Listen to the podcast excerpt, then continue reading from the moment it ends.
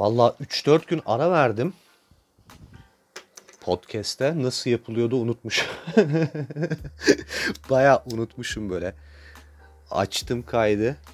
Ne diyeceğim lan ben şimdi diye öyle kaldım. Yani yapmaya yapmaya inşallah başka şeyleri de unutmuyoruzdur şu anda.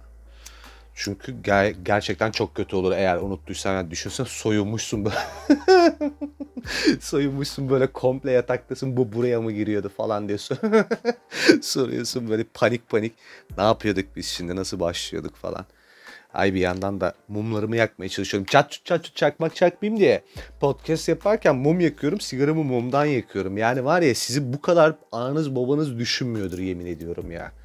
Hakikaten böyle düşünceli bir podcaster olamaz. Podcaster mı deniyor acaba benim yaptığım işi yapan insanlara? Neyse işte. Yayıncı, konuşmacı. Bilgisayarımı değiştirdim. Ee, bu 4 günlük falan herhalde aranın sebebi oydu. Bilgisayarı değiştirdim. Çünkü önceki elimde kaldı bayağı. Yani şöyle örnek vereyim. Tamamen kapanmadı, yok olmadı ama hani şey vardır ya artık böyle ölecek olan hastaların doktor şey der yakınlarına ya sevdiklerini çağırın, sevdiklerini görsün. Ondan sonra hani evine götürün falan. Tam böyle o mesajı verdi bilgisayar. Dedi ki anakartı eline almak üzeresin. Hani 3-4 günün ya var ya yok. Bütün dosyaların gidecek. Tersten göreceksin ebenin amanı. Bütün o çalışmalar gidecek. Sen ufaktan bunları bir hard diske yedekli istersen bir tane de yeni bilgisayar al. Çünkü art, anakartta dünyanın parası falan dedi. Allah bin belanı versin deyip ben de gittim bir yeni bilgisayar aldım. 7 bin lira şu anda şu dar zamanda kaçtı bir tarafıma. Şimdi bir yandan çok güzel bir makine aldım diye seviniyorum ama bir taraftan da yani dünyanın parası be kardeşim. Yani 7000 7500 lira da nedir yani? Şimdi benim şahsen mesela herhangi bir ihtiyacım eğer 5000 liranın üstündeyse yani böyle bir bütçe çıkıyorsa ona çok da ihtiyacım olmadığına dair böyle kendi kendime telkin, telkinde bulunuyorum. Benim yöntemim hep budur. Çok mu lazım? Bu olmadan yaşayabiliyor musun? Bence şu anda buna o kadar ihtiyacın yok falan. Bu tarz böyle telkin yöntemiyle ihtiyacı ortadan kaldırmak gibi bir şeyim var, yaklaşımım var benim para harcama meselesine. 5000 liraya geçiyorsa sistem budur. İhtiyaç çünkü bizim kafamızda abi yani ihtiyaç dediğin şey nedir ki? Sen yaratıyorsun bunu falan diye kendi kendime böyle ikna ediyorum. Ekmek mi bu su mu bu yani? Ki yani yeri geldi ben ekmeği kesim ekmeksiz bile gayet yaşanıyor falan diye. En sonunda böyle siktir tamam ne gerek var ya falan deyip konuyu kapatırım ama işte bilgisayar benim için hayatını hayatımı kazanma aracı olduğundan alırken hem çok iyi bir şey almam gerekiyor benim hem de aldıktan sonra da orada böyle eski düzenimi kurmam gerekiyor. Yani aynı dosyalar, aynı masaüstü yapısı, aynı işte browser, aynı browser'daki yerimleri falan filan derken böyle 3-4 gün sürüyor yani onu böyle alıştığım düzene tekrardan oturtmam. Çünkü yani e, bende şey takıntısı var. Yani user experience denen mevzu var ya kullanıcı deneyimi diye Türkçeleşiyor ama tam da karşılığını vermiyor. Yani orada bir kaotik de olsa düzen var ve o düzen içerisinde benim çok hızlı şekilde aradığım şeyleri buluyor olmam lazım işimi yapabilmem için. Yoksa bir şeyler ararken o işte yeni şeye alışmaya çalışırken falan inanılmaz bir iş kaybı yaşıyorum ben. Kaos içinde bir düzen halinde yaşarım. Benim şeyim de böyledir. Bilgisayarım da böyledir. Evim de böyledir mesela. Dışarıdan bakan bir insan böyle çingene çadırı gibi böyle darman duman bir şey görür. Ama orada mesela müthiş bir düzen vardır aslında. Yani ben mesela evde görme eğitimi kaybetsem yaşadığım ortamda sıkıntısız bir şekilde aradığım her şeyi bulabilecek şekilde bir düzen yaratmış durumdayım. Tamam mı? Kas hafızamla hallederim ben bütün mevzuları.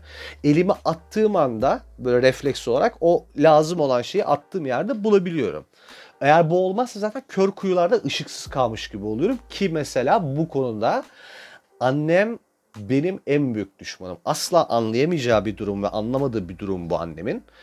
Sağ olsun mesela annem ee, işte iki ayda bir, üç ayda bir ziyaret eder ki çok büyük bir artı. Çok mutlu oluyorum bu yüzden. Gelir yemeğimi yapar, temiz olur evim sürekli hiç dağınıklık olmaz falan. Hiçbiriyle ilgili en ufak bir şeyim yok, şikayetim yok. Evi böyle muma çeviriyor ama yani bu annelerin ev toplarken böyle e, evin düzeninin de anasını avradını sikme huyu var ya işte o o çok çok kötü bir şey. Ya bak yemin olsun Sara krizi geçirir böyle köpürerek yerlere devrileceğim tutuyor. O kadar kötü şeyler yapıyor bazen evi düzenliyorum diye. Abi bir kere Yani onun için böyle evdeki eşyalarla ilgili şöyle bir yaklaşım var kendine ait bir önem ve öncelik sırası var tamam mı eşyalara dair. Bir şeyin lazım olup olmadan o karar veriyor. Senin için ne e, ifade ettiğinin bir önemi yok. Onun için o eğer lazım ve kullanılan bir şeyse okey değilse geçmiş olsun. O ortadan kaldırılması gereken bir ayak bağı demek onun için. Yani asla şeyi izah edemiyorsun. Mesela bir, bir şey mesela işte ne olduğu önemli değil. Bir objenin sürekli benim masamın üzerinde ve sol köşemde duruyor olması gerekiyor. Tamam ona ara lazım oluyor ve elime atıp kullanıyorum ben değil mi? Onun için hiçbir eşya masanın üstünde durmaması gereken eğer ki böyle işte atıyorum 2 e, kilodan azsa o eşya e, bir çekmeceye 2 kilodan fazlaysa da bir bazanın falan altına koyulması gereken bir eşya o. Asla masa ve sehpanın üstünde eşya falan bırakılmaz. Anne mantığı budur. Ebatla alakalı böyle bir şeyi var onun, kuralı var. O mesela çekmeceye giriyorsa çekmeceye koyulacak. Çekmeceye girmiyorsa da e, bir şeylerin altına tıkıştırılacak. Ya bak yemin ediyorum benim iki seneme aldı mouse'un mouse denen objenin bilgisayarla işimiz bittiğinde çekmeceye koyulmaması gerektiğini anneme anlatana kadar. Kesinlikle ikna olmuyor. Niye ortada duruyormuş? Kullanacağım zaman çıkarırmışım çekmeceden yani. Abi inanılmaz bir şey yani. Kesinlikle kabul etmiyor o mouse'un orada durması gerektiğini. Şimdi mesela çekmeceli bir düzene alışayım diyorum. Çünkü aslında insan adapte olabilir böyle bir şeye. Çekmeceli düzene adapte olayım hadi de. E abi o da olmuyor ki mesela Diyorum ya kadının bir önem ve öncelik listesi olduğu için senden bağımsız bir obje kafasında eğer önemsiz olarak kodlandıysa ve onu ortadan kaldıracaksa geçmiş olsun abi. Onu yok ediyor.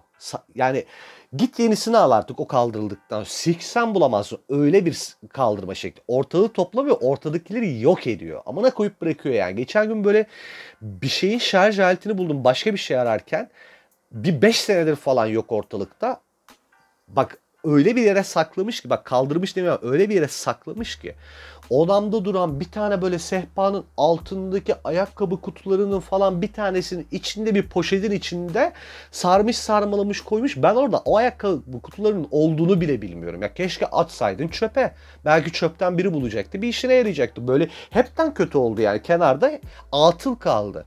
Ya şarj aletini şarj, şarj ettiği cihazı ben umudumu kesip atmışım. Artık bulamayacağız onu. Siktir et amana koyayım. Yenisini alırız deyip atmışım onu. O kadar çünkü um, umut vaat etmeyen bir yere koymuş. Öyle bir yok etme ya. Bir şey de söyleyemiyorsun bir de. An, anında küsüyor yani. Bu annelerin böyle en ufak eleştiride gözyaşını koz olarak kullanma durumunu biliyorsunuz değil mi? Anneciğim yani siktin anasını atsaydın daha iyi desem mesela da böyle küfretmeyeceğim de ya keşke atsaydın anne yani hiçbir şekilde bulamayacağım zaten ben bunu falan desem hemen peki evladım peki bir daha gelmem. Bir daha gelmem. Rahatsız ediyorum ben seni buraya gelip de. Ah ah falan. Bir başlıyor bir de klasik lafı da şeydir milletin salak sulak annelerini el üstünde tutarlar. Ben kimseyi mutlu edemedim. Bak bu lafı söyledikten sonra mesela artık hiçbir itiraz yahut hiçbir özür zeminin kalmıyor. Seni müthiş bir vicdan azabıyla baş başa bırakıyor ve kenara çekilip soğan doğramaya başlıyor. Ya bu, bu lafı, bu çıkışı kesinlikle çürütemezsin. Üstüne tartışabileceğin bir argüman üretemezsin.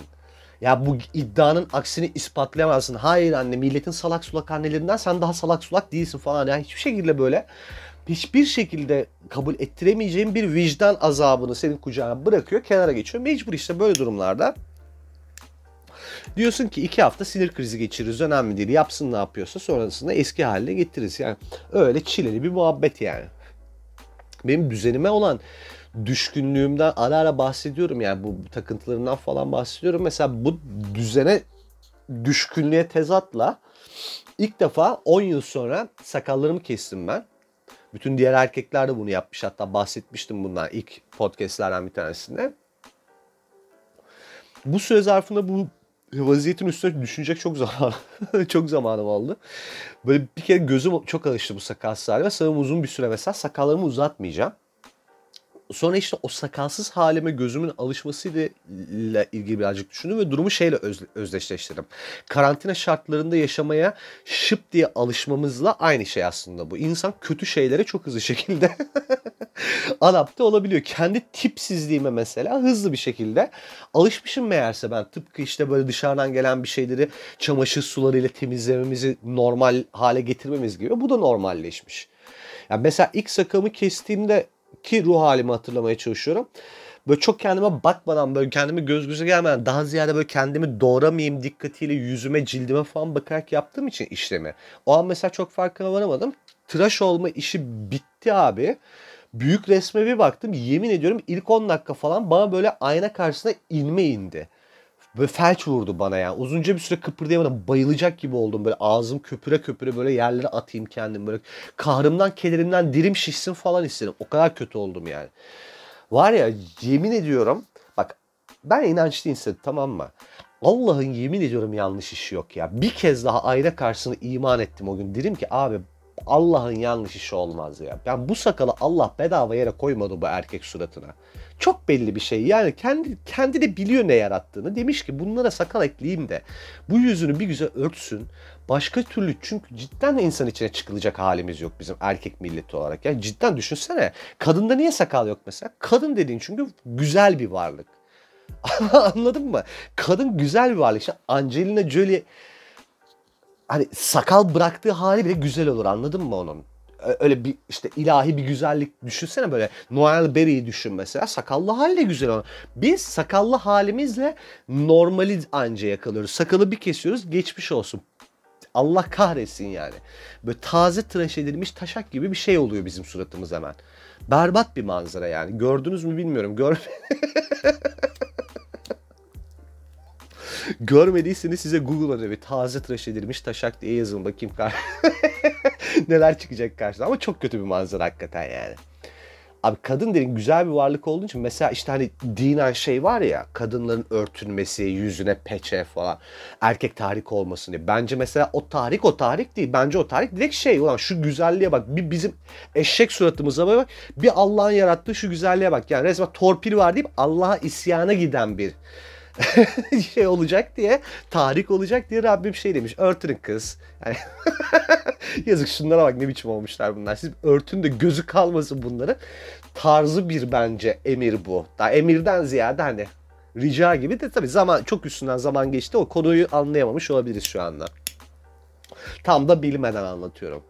Ama sakal resmen abi erkeğin makyajıymış. Onu çok çok çok çok çok net bir şekilde görmüş olduk bu sürecin sonunda. Öyle yok gibi makyaj falan da değil bu arada. Hani uzak doğulular yapıyor ya böyle kız böyle bebek gibi makyajı bir sürüyor altından havan böceği çıkıyor falan. Tam o tarz böyle. İnanılmaz örtücü bir makyaj. Rabbim demiş ki yani bu çirkinliği bir şekilde örtmek lazım. Bize sakal koymuş. Ya bir kesim sakal. Bak bir kestim sakalı. Korkunç bir manzara. Dedim ki eğer yarın çıkıp birisi şey derse abi yok ya bu korona o kadar bulaşıcı değilmiş yetkililer falan bilim adamları o kadar bulaşıcı değilmiş biz abartmışız yanlış anlamışız her herkes işine gücüne dönsün. dese ben dedim abi 3 ay daha maskeyle böyle komple maskeyle gezeceğim. Ama neyse ki öyle bir şey olmadı tabii. Ben de baka baka suratıma o tipsizliğime alıştım ki insan yani nelere alışmıyor yani. Alışmak da değil aslında da daha ziyade böyle ha, sadece hayatımın kalanına eh işte bir tiple değil de gayet çirkin tipsiz bir şekilde devam etme fikrini kabullendim diyelim. Seven böyle sevsin anladın mı? Neyse bisiklete binmek gibi böyle konuştukça hatırladığım bir olaymış bu podcast meselesi de. Şimdi onu fark ediyorum. İyi oldu. Bu böyle bir e, bılıp ara verdikten sonraki ısınma bölümü olsun isterseniz. Sizden bir ufak şeyim olacak bu arada. Ben YouTube'u YouTube'u çok siktir etmişim. Bir kapattıktan sonra benim Emrah Kab isimli YouTube kanalıma da abone olursanız çok mutlu olurum. Çünkü sebebi şu abone fetişim olduğundan söylemiyorum. E, belli bir sayıyı geçmesi gerekiyormuş ki oradaki abonelerin canlı yayın yapabilelim ve benim size önümüzdeki haftalarda işte bir iki podcast yayınladıktan sonra mesela üçüncüsünde bir canlı yayın yapma ve e, canlı yayında sohbet etme gibi bir planım var. Çünkü şununla yüzleştim. E, yaptığım yayınlardan sonra çok fazla çok fazla çok fazla mesaj geliyor. Abi şuna da deyin şöyle de bir şey benim başımdan geçti oydu buydu. Ya insanlara cevap vermeden bırakmak çok kabaca bir hareket gibi geliyor. Ama yetişme imkanım gerçekten hiç yok o mesajlara ve canlı yayınlar yaparsam canlı yayında bunu interaktife dönüştürebiliriz ve böylelikle hem eğlenceli bir şey olur hem de sizin sorduğunuz bir şeylere ben cevap veririm. Yeni konu buluruz onun üstüne konuşalım falan filan. Özetle abone olursanız YouTube kanalıma çok mutlu olurum. Bana abone olmayı unutmayın falan lafını hiçbir zaman hayatımda söylemeyeceğim zannediyorum ama onu da söylemiş bulduk. Ee, ne yapmanız gerektiğini biliyorsunuz. Tekrardan kendinize dokunun falan diye anlatmayacağım. Takip edin, paylaşın. Öyle yapın, böyle yapın. Bir sonraki konuyu da hazırlayacağım. Fazla arayı açmadan ona da devam edeceğim yarından itibaren. Ama o zamana kadar müebbet karantina bitti.